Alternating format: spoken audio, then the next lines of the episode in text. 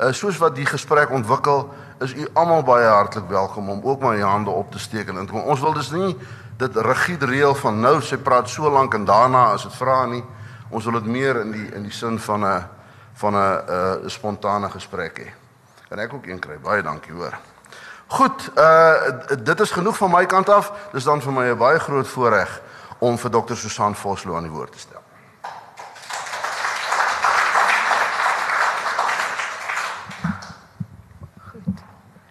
Dr. Hertzog, uh, professor van die kerk, dames en here, dit is vir my 'n baie groot voorreg om vandag hier te wees. Ehm um, ek het ek wil net by voorbaat verskoning vra vir my paar skyfies want my rekenaar is nou vir die derde keer terug om reggemaak te word. Ek kan dit eers die einde van die week kry, so ek moes met met 'n vorige een wat 'n bietjie opgekikker is, 'n paar goed maak. Ehm um, ons uh, ons uh, ek gaan begin deur te praat oor orgaanskenking. Ek net kyk. Reg.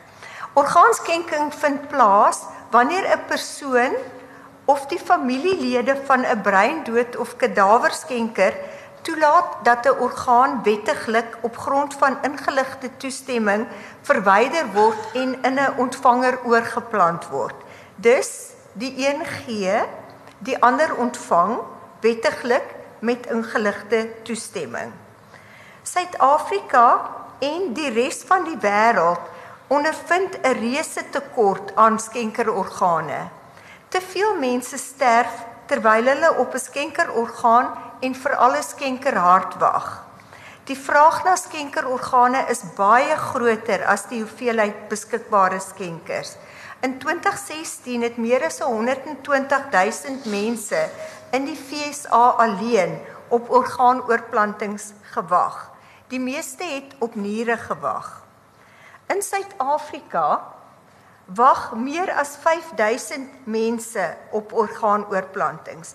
Op grond van die syfers van die afgelope 5 jaar sal slegs sowat 350 vanjaar gehelp kan word.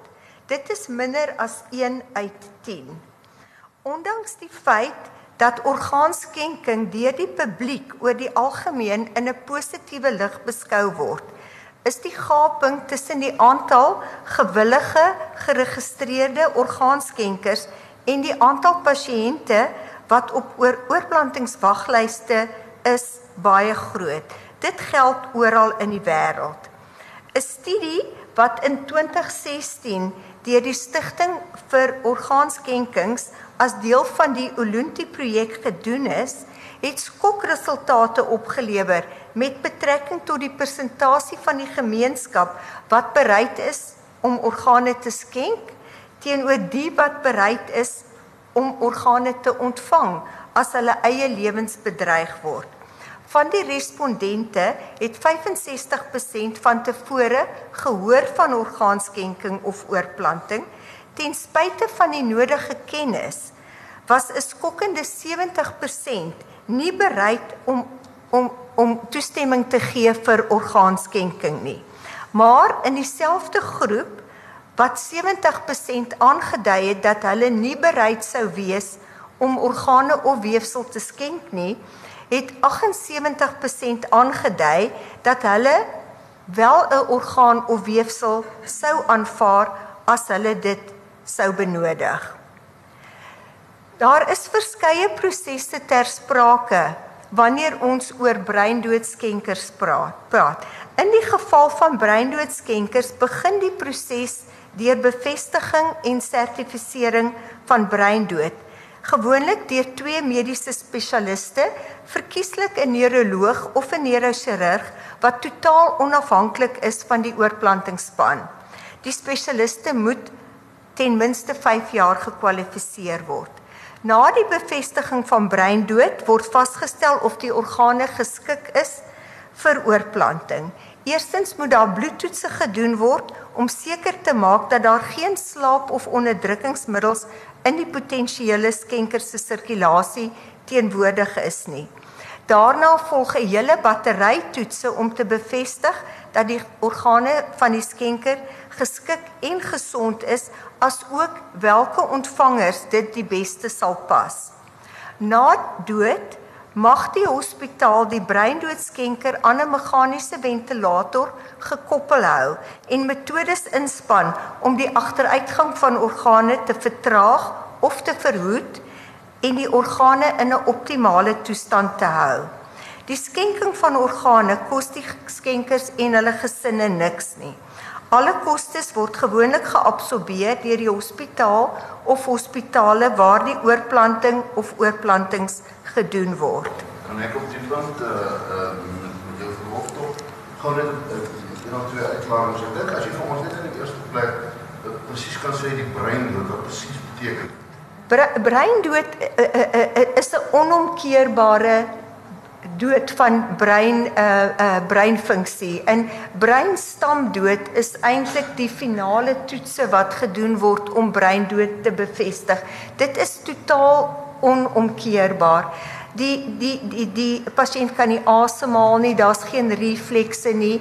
Maar as 'n mens asemhaling basies aan die gang kan hou, kan die organe funksioneer, maar met die afwesigheid van breinfunksie sal organe ook net 'n sekere tyd kan funksioneer.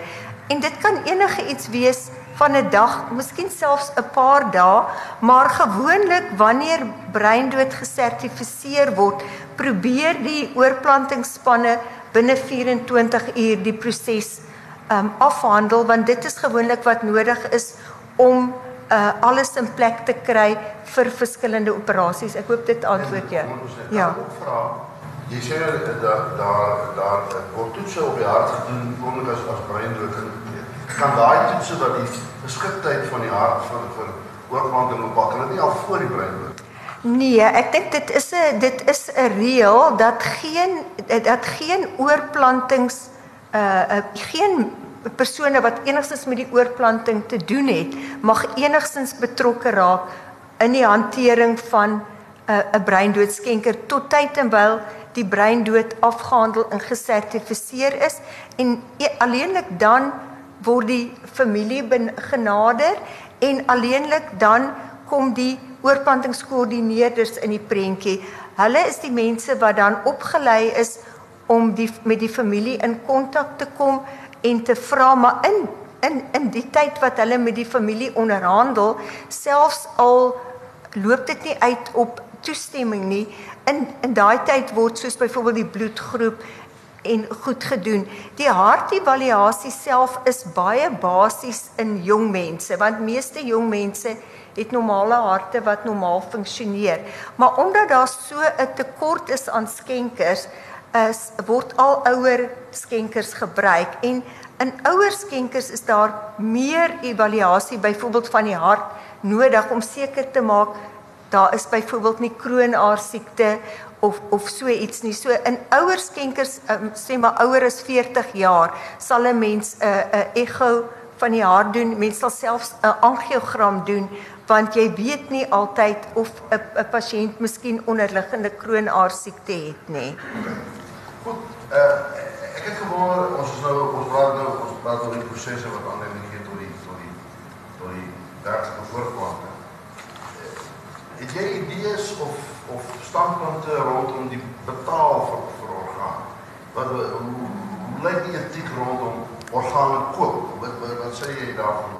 Ja, kyk uh, uh, dit uh, die kort antwoord is dit dit word nie toegelaat nie. Die ehm um, die onkoste van 'n uh, breindoodskenker soos ek gesê het word geabsorbeer deur die hospitale of uh, ek dink in sekere gevalle ook deur die persone wat dan die voordeel van die orgaan kry. Net soos by die bloedbank, as 'n mens bloed kry, betaal 'n mens nie vir die bloed nie, maar wel vir die verwerking en verpakking daarvan. Ehm um, ek dink dit dit sal 'n moeilike area wees om te betree om uh, orgaanskenking te kommersialiseer en dit kan meer van toepassing wees waar daar lewende skenkers is soos byvoorbeeld die niere uh, of longe of selfs die lewer waar gedeeltes van long en gedeeltes van lewer kan byvoorbeeld in kinders gebruik word.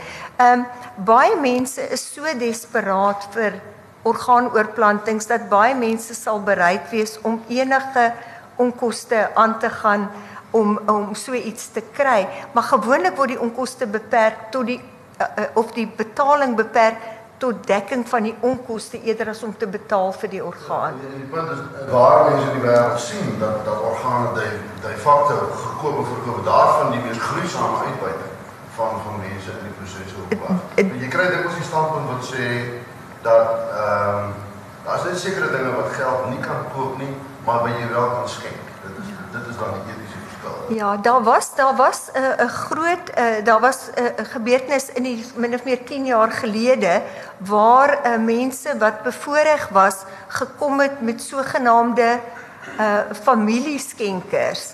En op nadere ondersoek het dit gebleik dat die familieskenkers alhoewel hulle verklaringe gegee dat hulle familie was, was glad nie familie nie en die mense is betaal vir hulle organe en ehm um, dit was 'n groot skandaal omtrent 10 jaar gelede wat wat gelei het tot baie sterker kontrole van van die orgaanskenkingsproses en 'n hele klomp nuwe reëls en regulasies. Dis as jy dit jy nie op koue uh, uh, re reageer nie en ek dink dis ook dis ook 'n 'n 'n refleks waar die pupille nie beweeg as jy die kop beweeg nie.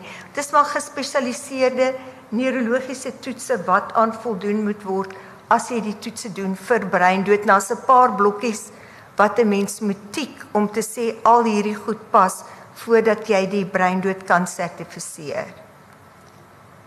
Reg, aanbeweeg. Ehm um, ehm um, daar is daar is twee soorte toestemming.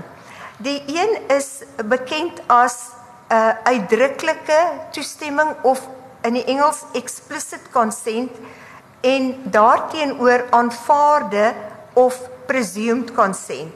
Uitdruklike of uh, explicit consent uh, staan ook bekend as opt-in. Dit is wanneer die skenker se familie in die geval van 'n breindoodskenker regstreeks toestemming verleen volgens die protokol van die spesifieke land of die uh, uh, uh, uh, of as die persoon geregistreer is as 'n orgaanskenker. Jy maak die keuse om deel van die uh, program te wees. Jy opt-in. In Suid-Afrika mag almal wat aansoek doen vir 'n rybewys op die aansoekvorm aandui of hulle bereid is om hulle organe te skenk sou hulle sterf in omstandighede wat tot orgaanskenking kan lei. Dit is op hierdie stadium nie regsbindend nie omdat nie alle individue ten tye van hulle rybewys aansoek toegerus is om 'n ingeligte besluit te kan neem oor orgaanskenking nie. Die aanduiding word dus nie as 'n finale en bindende faktor beskou wanneer orgaanskenking ter sprake kom nie. Aanvaarde of presumed consent, ook bekend as opt-out of opt-out, benodig nie regstreekse toestemming van die skenker se familie na breindood nie aangesien dit veronderstel word dat almal orgaanskenkers is behalwe as jy vooraf aandui dat jy nie bereid is om 'n skenker te wees nie. Jy opt uit baie lande het reeds die opt uit orgaanskenkings uh, beleid geïmplementeer dit beteken dat alle mense ouer as 18 jaar outomaties orgaanskenkers is tensy hulle die teenoorgestelde verklaar. Lande wat die ehm um, lande wat die ehm um, ehm um, opt-out orgaanskenking aanvaar is wyd oor die wêreld. Suid-Amerika, Argentinië, Chili, Kolumbie, 24 Europese lande by uh, eh, 2010 die Verenigde Koninkryk wat die beleid in 2008 ingestel het en selfs na die ooste kant uh, Indië, Japan en Nieu-Seeland. 'n opt-out 'n stelsel is nie in ons land nie, maar dit kan net soos in Nieu-Seeland maklik geïmplementeer word wanneer 'n individu tydens sy of haar aansoek vir 'n nuwe rybewys moet aandui dat hulle nie bereid is om orgaanskenker te te wees nie. Tans is die mees algemene gebruik in die wêreld wat 'n uh, bekend as 'n sagte sagte opt-uit ehm um, ehm um, ehm um, ehm um, ek my dingetjie verloor. Skoon my. 'n sagte opt-uit benadering. Dit beteken dat alhoewel mense nie die opt-uit keuse gekies word nie en dis as outomaties as 'n orgaanskenker beskou word, sal die familie steeds genader word om uh, om toestemming te gee vir orgaanskenking. Wat verder uit dit uitsprei is dat oorplantingsprioriteit vir gewillige skenkers nog 'n uh, uh, benadering is om nie mediese kriteria in die prioriteitstelsel in te bou.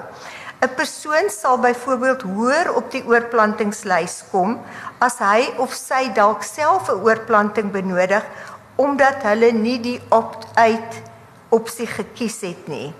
Net soos die opt die die nie kies van opt-uit vir jou kan bevoordeel nie, kan dit jou benadeel in sekere lande as jy sou aandui dat jy nie bereid is om 'n orgaanskenker te wees nie. In Singapore byvoorbeeld wat volgens hulle regstelsel outomaties orgaanskenkers is, maar dan besluit om die opt-uit keuse te kies, word dan laer op oorplantingswaglyste geplaas sou hulle self orgaanoorplantings benodig. Mag ek vra uh die twee opsies wat watter een ding jy is die mees eties of is daar wesenlike etiese argumente teen teenoor Ehm um, kyk dit hang ek dink die die etiese aspek hang seker uit watter hoek 'n mens daarna kyk. Kyk 'n mens uit die hoek van die ontvanger wat desperaat is om iets te kry en vir ons wat aan die ontvangerkant speel, sal ons definitief die opt-uit opsie oorweeg. Die die die die die teenstandaard teen kom uit die ingeligtheid van die van die bevolking en net soos mense miskien vandag nie ingelig genoeg is om te sê ek is bereid om dit te doen nie. Ek dink die implementering daarvan in 'n land soos ons wat so divers is, mag baie moeilik wees omdat 'n mens nie seker is hoe goed mense ingelig is om te sê ek is nie bereid om dit te doen nie. Ehm um, en ek glo dat as mens van die oogpunt kyk van die skenker en die die onkunde van die samelewing as mens dit so kan sê, dan sal dit miskien uh, vrae kan kan laat opkom of dit dan so eties is om so 'n beleid in te voer, maar dit is wel die neiging wêreldwyd om die beleid te neem. Ek gaan as 'n die verhoogde vraag uh op stadium met jou verwys na metodes vir die verbetering van suboptimale uh orgaan. Ja. Vir my ek self minder van weet. Wie vir ons bietjie meer daarvan vertel wat wat is daai metodes hoe werk? Ja, ek gaan 'n bietjie praat oor uh die toekenning van skink, skenkerorgane. Miskien kan ons miskien kan ons dit op die einde daarvan uh, is is dit goed. Goed nou, laat ek sien waar ek nou is. Okay. Ehm um, soos ons nou reeds genoem het, skenkerorgane is baie baie skaars. Hoe word nou besluit aan wie op 'n lang waglys 'n skenkerhart byvoorbeeld toegeken moet word? Nou sedert die aanvang van ehm um, hartoortplantings in 1967 tot aan die einde van die 1980s is hoofsaaklik op pasiëntoorlewing gefokus. Nou dit is nou laas jaar was dit 50 jaar sedert die eerste hartoortplanting gedoen is en oor hierdie 50 jaar was daar 'n evolusie van immuunonderdrukkingsbehandelings van behandeling van 'n uh, eh, 'n uh, eh, intensiewe sorg van pasiënte beter tegnieke in terme van hoe pas die skenker by die ontvanger en oorlewing het algaande verbeter. Hierdie is 'n uh, uh, uh, is die eerste hartoortplantings wat gedoen is na uh, in 1967 in die volgende jaar. En mens kan baie duidelik sien behalwe die oorplantings van professor Barnard wat 17 dae en ek dink amper 2 jaar gelewe het, 19 maande. Ehm um, was die die res van die ehm um, van die resultate oor die algemeen was regtig baie baie swak. In die volgende dekade net gou hierso kom. In die volgende dekade het die resultate aangaande het het die resultate eh, beter geword. Mense het meer oorleef, minder komplikasies het voorgekom, maar wat toe gebeur het is dat al hoër risiko pasiënte aanvaar is vir oorplantings. En dit het nie die uh uh uh uit uh, uitslaa benadeel nie. So as 'n mens kyk hierna wat 'n uh, 'n uh, 'n uh, indikasie is van die vroeë jare 1982, die dekade tot 1990, die volgende 'n uh, uh, dekade tot die 2000 en dan die mees onlangse dekade, kan 'n mens sien dat die resultate al gaande verbeter het. Die die resultate is die onmiddellike onmiddellike ehm um, sê maar sterfte of mortaliteit het al laer geword oor die oor die verskillende eras en alhoewel die die die, afplatting soos mes pasiënte verloor van jaar tot jaar na die operasie die die kurwe daarvan het min of meer dieselfde gebly. Die ehm um, In die 21ste eeu waar ons nou in staan, het meganiese ondersteuning van die sirkulasie as 'n oorbrugging tot 'n hartoortplanting ontwikkel. Pasiënte wat op die oorplantingslys sou sterf weens 'n tekort aan skenkerharte, se lewens kon gered word met sirkulasieondersteuning, oftewel ondersteuning van die hart. Die oorbrugging met hartondersteuning is egter nog 'n addisionele en beduidende risikofaktor in terme van die kans uh, op oorlewing na 'n hartoortplanting. Nou net kortliks die akute sirkulasie ondersteuningstoestelle dit staan uh, bekend ook as ECMO dit beteken die sirkulasie word buite die liggaam in stand gehou 'n mens sit kanules wat die bloed dreineer soos dit terugkom na die hart en daar is 'n pomp wat as die hart funksioneer en wat uh, ons noem 'n oksigenator wat as die longe funksioneer en dan gaan die bloed terug na die na die liggaam. So hierdie pasiënt kan lewe sonder dat die hart of die longe enige funksie het. Ehm um, die uh, dan het dit verder ontwikkel na 'n uh, uh, uh, enkele ventrikulêre of pompkamer ondersteunings toestelle wat op die oomblik baie algemeen gebruik word. Hulle noem dit die hardware toestel. Dit is 'n klein dingetjie. Hy pas in die palm van jou hand. Hy word in die hart gesit.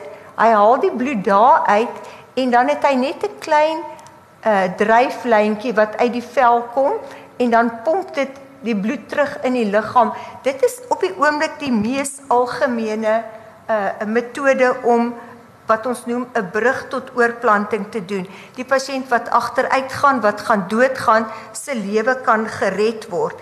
Daar is um, met hierdie wat interessant is nou nie op so erg op die oorplantings van toepassing nie, maar tog is dit baie van die pasiënte wat hierdie toestelle gekry het, lewe baie maklik daarmee en sê selfs mense met hierdie toestelle sê wel ek wil nou nie meer hart hê nie want ek is nie op immuunonderdrukking nie. Ek is nie blootgestel aan verwerping of infeksie nie.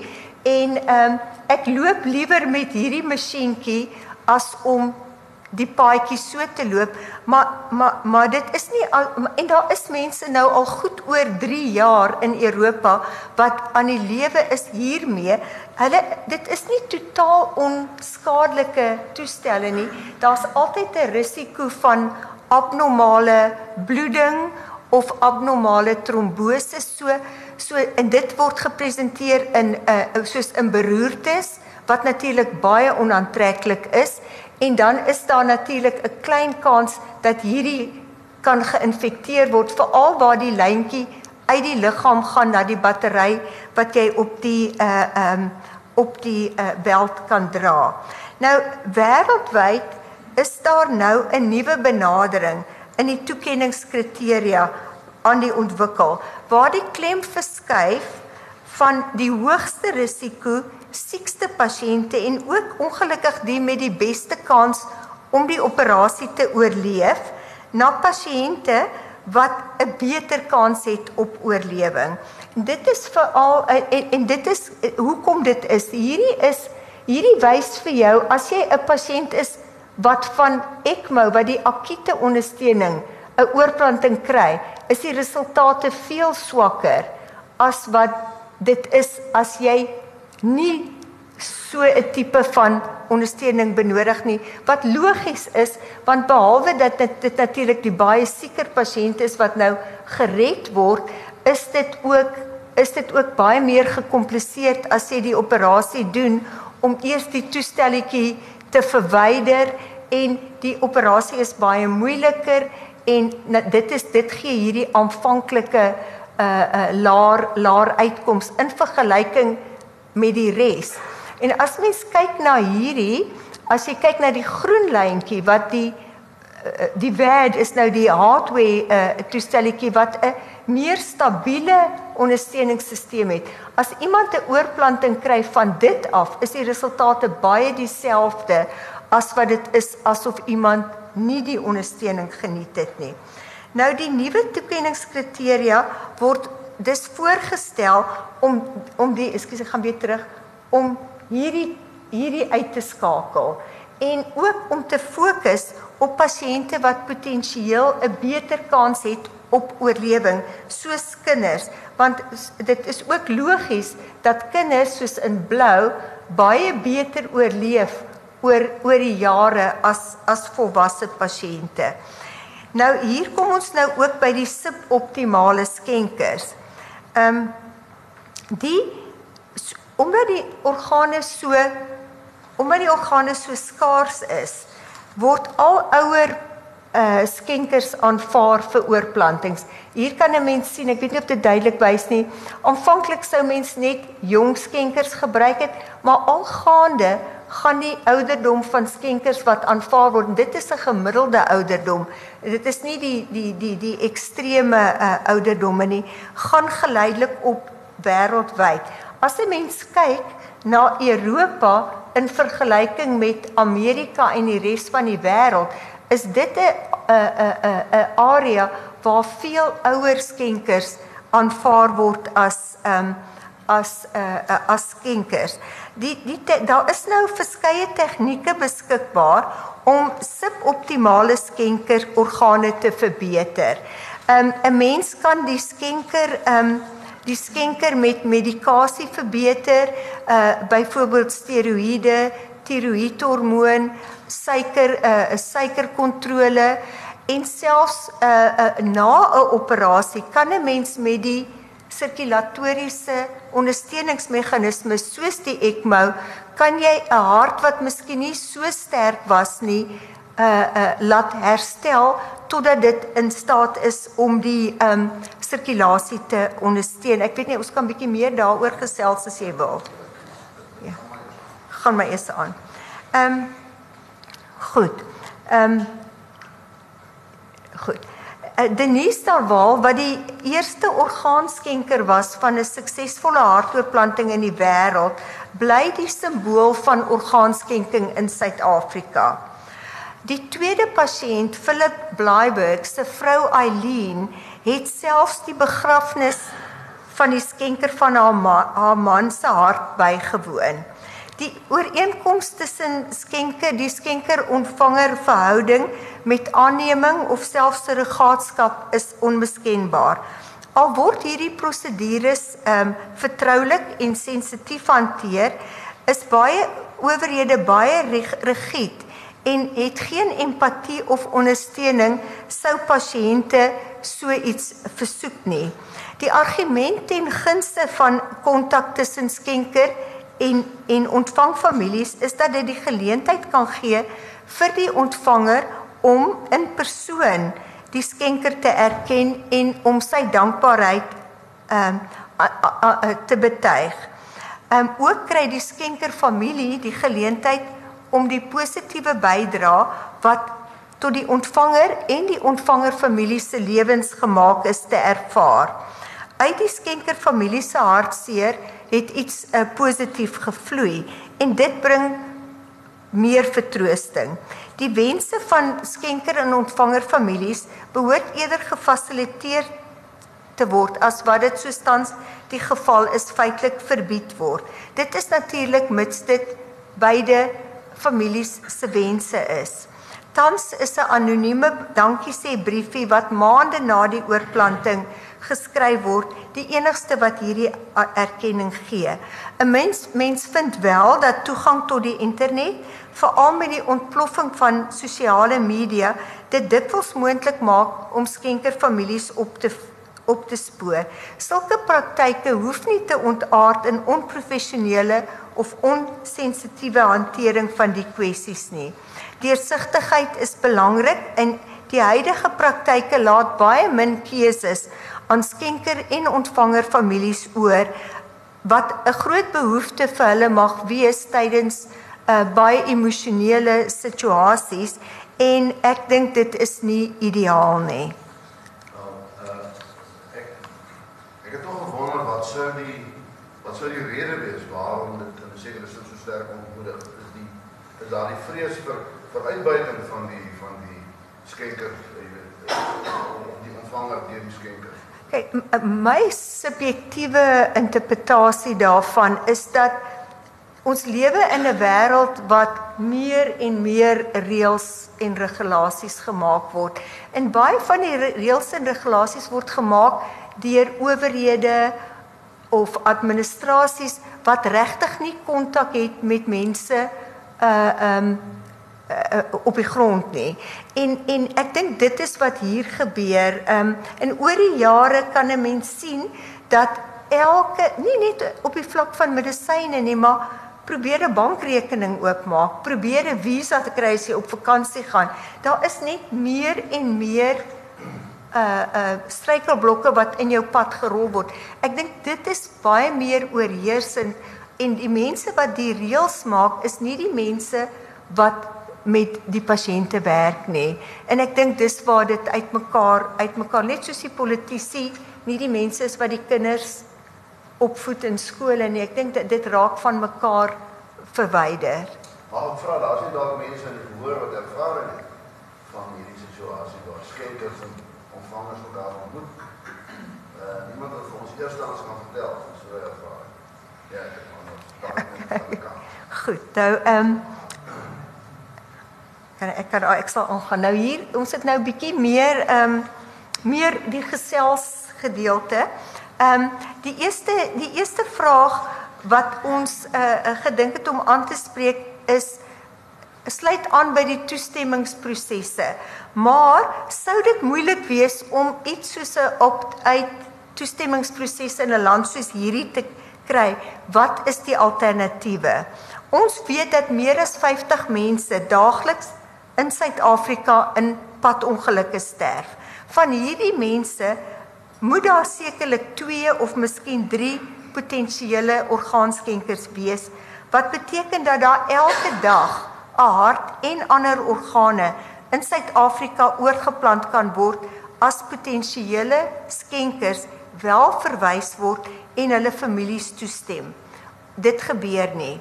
Nog 'n opsie om die tekort aan skenkerorgane op te los, is dat dokters en professionele verpleegkundiges wetlik verplig word om oorplantingskoördineerders in te lig van alle breindood pasiënte. Die praktisyns is daardeur verplig om skenkerfamilies deur die hoogs gespesialiseerde en uiters professionele opgeleide oorplantingskoördineerders te nader om die opsie van orgaanskenking te oorweeg. So word die geleentheid aan skenkerfamilies gegee om die lewe van een of meer medemense of te red of te verbeter. Om die lewe van iemand te red, dra inderdaad baie by tot die skenkerfamilie se troos in hulle hart en om hulle in hulle hartseer te onderskraag.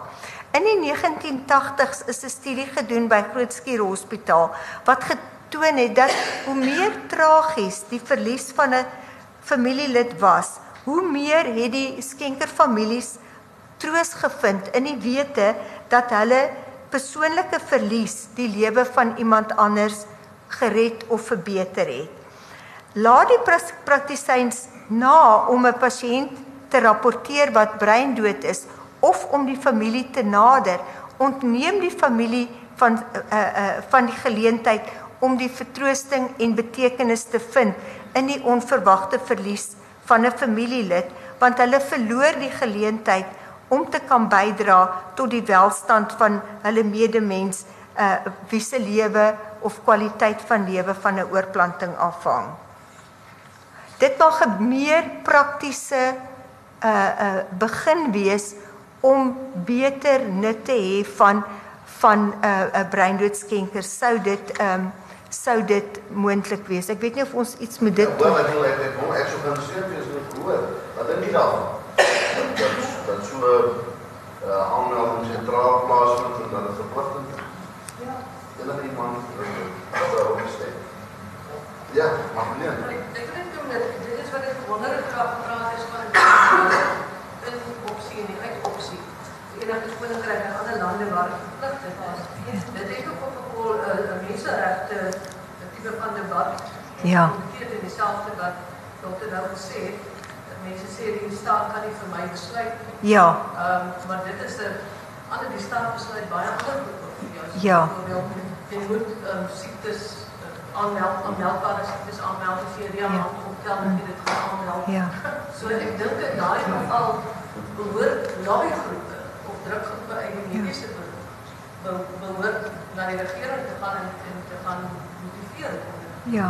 Ek ek ek dink jy kan dit na albei kante kyk want as jy sê maar die drukgroepe en menseregte wie se regte dra die swaarste gewig Ek- ek- die die feit dat 'n breindoodsskenker gerapporteer of of of die familie genader word beteken nie dat hulle nie die keuse het om nee te sê nie maar die feit dat die breindoodsskenker verlore gaan omdat of dis te veel moeite of ons het nie 'n bed in ons eenheid nie of hoekom die pasiënt miskien nog nie breindood nie. So ons weet die kanse is swak so 'n mens uh, skaal die behandeling af.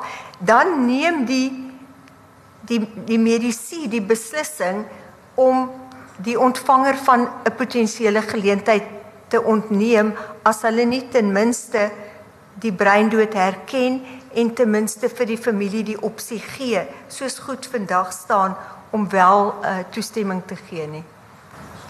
Ehm um, ek is Marie Hansen.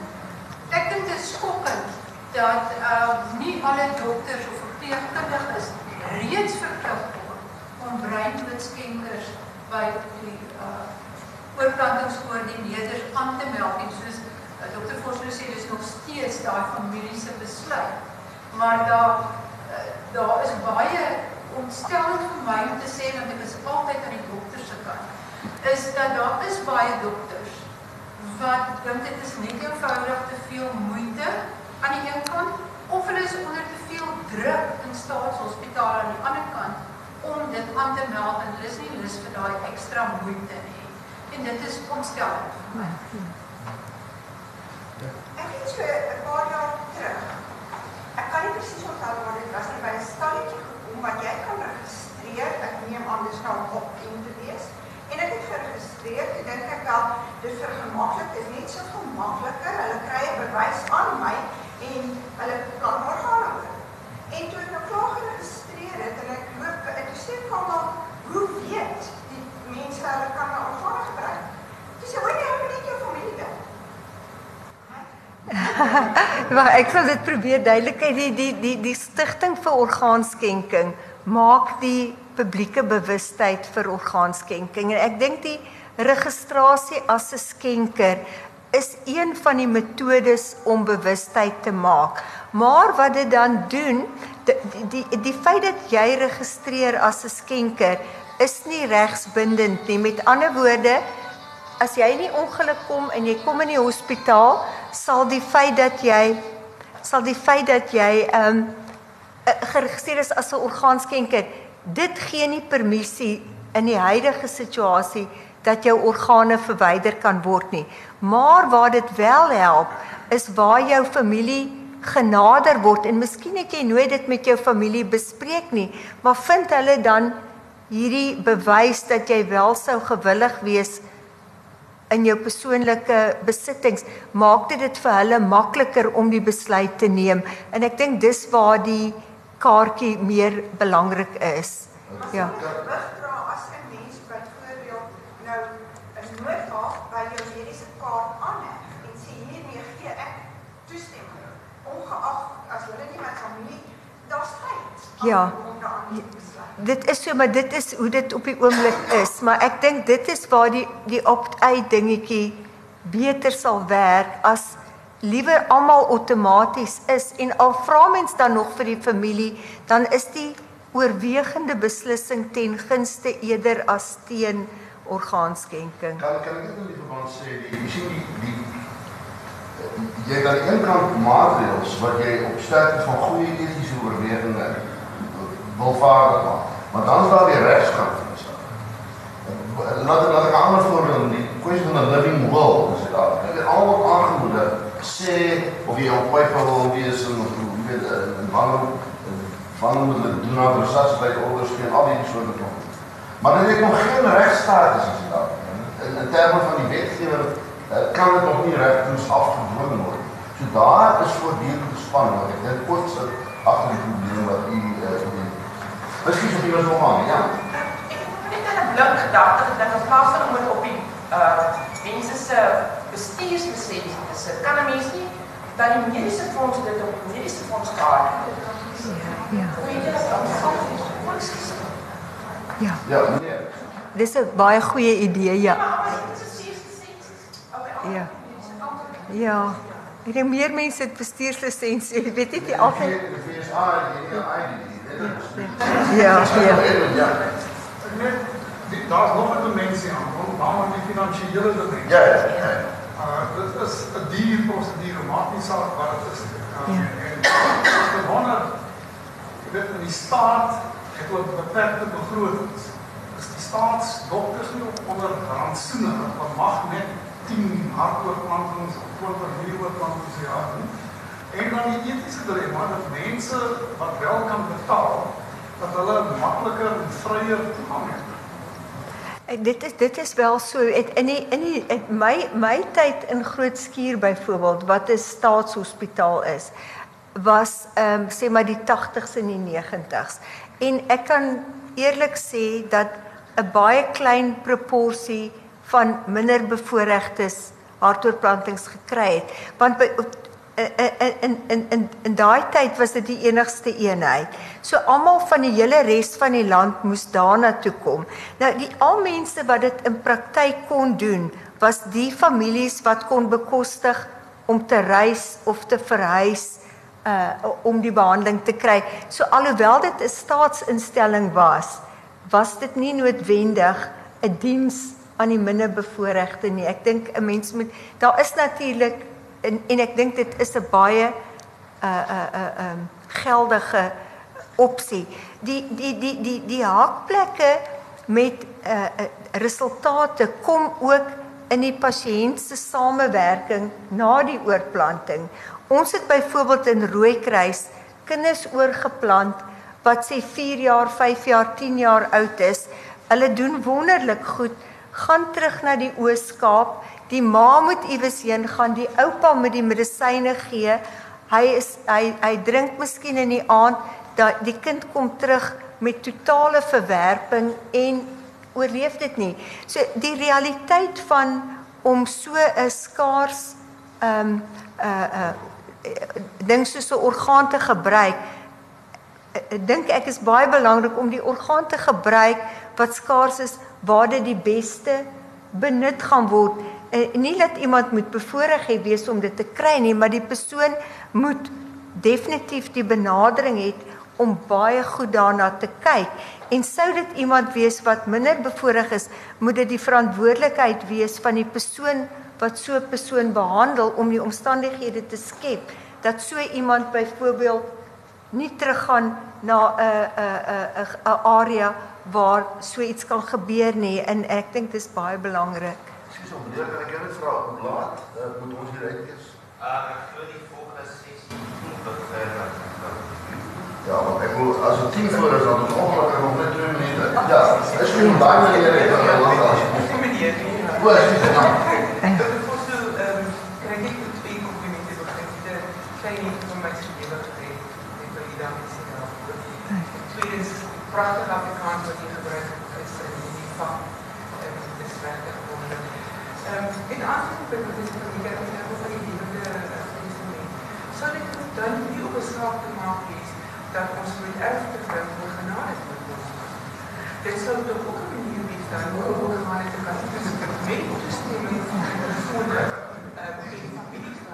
Ja, ek dink dit is 'n baie belangrik. Dis 'n hele ander area, maar dit is ek dink dit loop almal saam en ek dink dit is iets wat ons definitief moet ehm um, aanspreek. Ons sal 'n bietjie aan RSG se se deure klop om vir ons te help om die mense beter in te lig oor oor so iets want ek, ek het 'n paar twee ander praat met Tim die Lucy môre. Ja. Wat in daai. Ja, ek sê tog ek net kan gaan maar ek sê nie wat lees nie. Dit was toch my interessant met president Ramaphosa se staatsrede. Dit die eerste keer in 'n staatsrede dat daar by is na hart gefixeer is. Ja. Gesondheid Mm. in ons land. Ja. ja. ja, ek dit is 'n wonderlike geleentheid. Die eh presies op ja. Torie.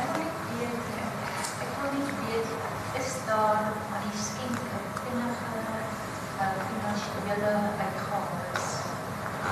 Ja, ja, ja, ons het in die begin gesê ek dink jy was 'n paar maar, maar as die pasiënt breindood is, enige verdere behandeling kos die familie niks nie. Dit word absorbeer in die institusie waar die pasiënt is. Ek sê mense wat dalk in 'n ander posisie is Mm. as wat ek wil sê die oorgrote meerderheid van Suid-Afrika is dalk nie vir die mense kan sien dit kos mense Ja, ja. ek het nie ook gevat word is dat mense nie ingelig is.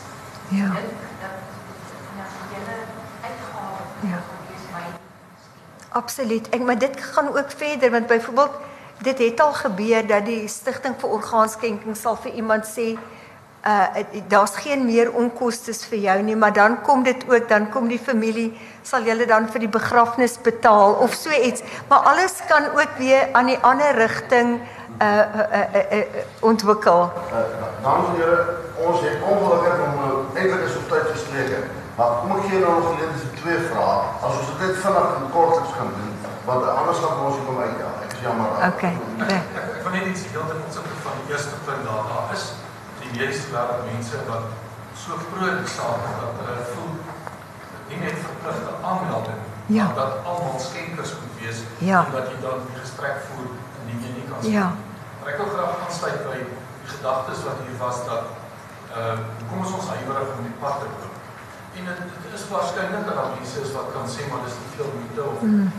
dit is dis 'n 'n groot stelling om te maak, maar Ja. dit is waarskynlik so. Maar een ding wat wat ek persoonlik dink en en dan ook beleef het is dat ehm um, die gesprek met mense, die saam op pad wees met mense om aan die een kant breindood en orgaanskenking te verstaan in die skenkers, skenkerfamilies ook en uit die ontvanger. Want daar lê 'n klomp Hier is kliniese goed, hier is sielkundige goed, hier is emosionele, maar dit is ook 'n stuk spirituele godsdienstige. Ja, As jy ja. saam pad is, Ja. dan uh, kan jy dan dan hoef jy nie alles met wetgewing te regeer nie, maar jy saam wees. En dit bring my dan net by die vraag wat ek gevra het. Hoe moeilik is dit nie om met 'n skenker en ontvanger in dieselfde hospitaal te sit? Ja. Ja. En dat jy in die in die maar nou die huidige verstaan of bedeling Ja. letterlik met agtergange moet loop Ja. dat die mense mekaar nie sien. Mm. Maar wanneer wanneer jy dit hanteer met begrip van die verskillende mense se behoeftes en omstandighede, dink ek is dit tog sinvol dat mense met mekaar een van die dinge wat op TV was waar, waar die gesinne by mekaar Ja. na die tyd. Ja. Dink ek dit vir ons gewys. Mm. Ek sou net pleit vir 'n proses van woordbegeleiding is om amper te dink. Ja. Amper soos ondersteuning. Ja. Ja. Baie dankie. Eh, Die die, die laaste, laaste vir die dag. My Afrikaans is not good enough to Yeah. You're welcome. What is the cost benefit ratio? It's a very expensive procedure. Um, how, I know there's no average, but Mm. how long can a patient in good health and who looks after the organ expect to know all things being equal? I, I- don't think that's known because the, the, the, the, science is not old enough to really know the limitations. It's sort of evolving, but it is long. I mean, i- i- we, I would say, in excess of 30 years, and even if one gets organ dysfunction over time, retransplantation is al- also an, an option. And uh, in terms of the cost of managing a patient with end stage heart failure, that is very expensive. Patients are in and out of hospital, the drugs are expensive. So it's, it's, it's it, but I think the, the cost benefit is really in quality of, of life. Yeah. Goed, Oké, okay, dit dankie. spyt my nou reg, dit is my skuld nie. Ek staan nie die uh, program nie. En dan sit ons in hierdie 4 sessies of 50 minute sessies eintlik. So ek ongelukkig moet ek moet ek nou hier haalroep. Uh, miskien sal jy nog so vir 'n rukkie na die tyd hier buite kan beskikbaar Met wees. plesier, As met plesier, ja. Met- Maar dit is my voorreg om uh, namens julle almal vir, vir Susan baie dankie te sê. Ek dink dit was 'n uiters uh, interessante en stimulerende en ek wil ek van dinge gehoor vandag wat ek nog nooit van gehoor het. Wat wat vir my uh, geweldig interessant was. So dankie vir die moeite. Baie Dit is 'n dankie. hele optog. Baie Ons het dankie nog vir almal jou, saam ja. gebring van die Kaap af. Baie welkom in. Uh dankie net vir die hele optog. Dankie. Sy- Jy kan nie sommer net 'n hospitaal los met met sterwe hart as jy.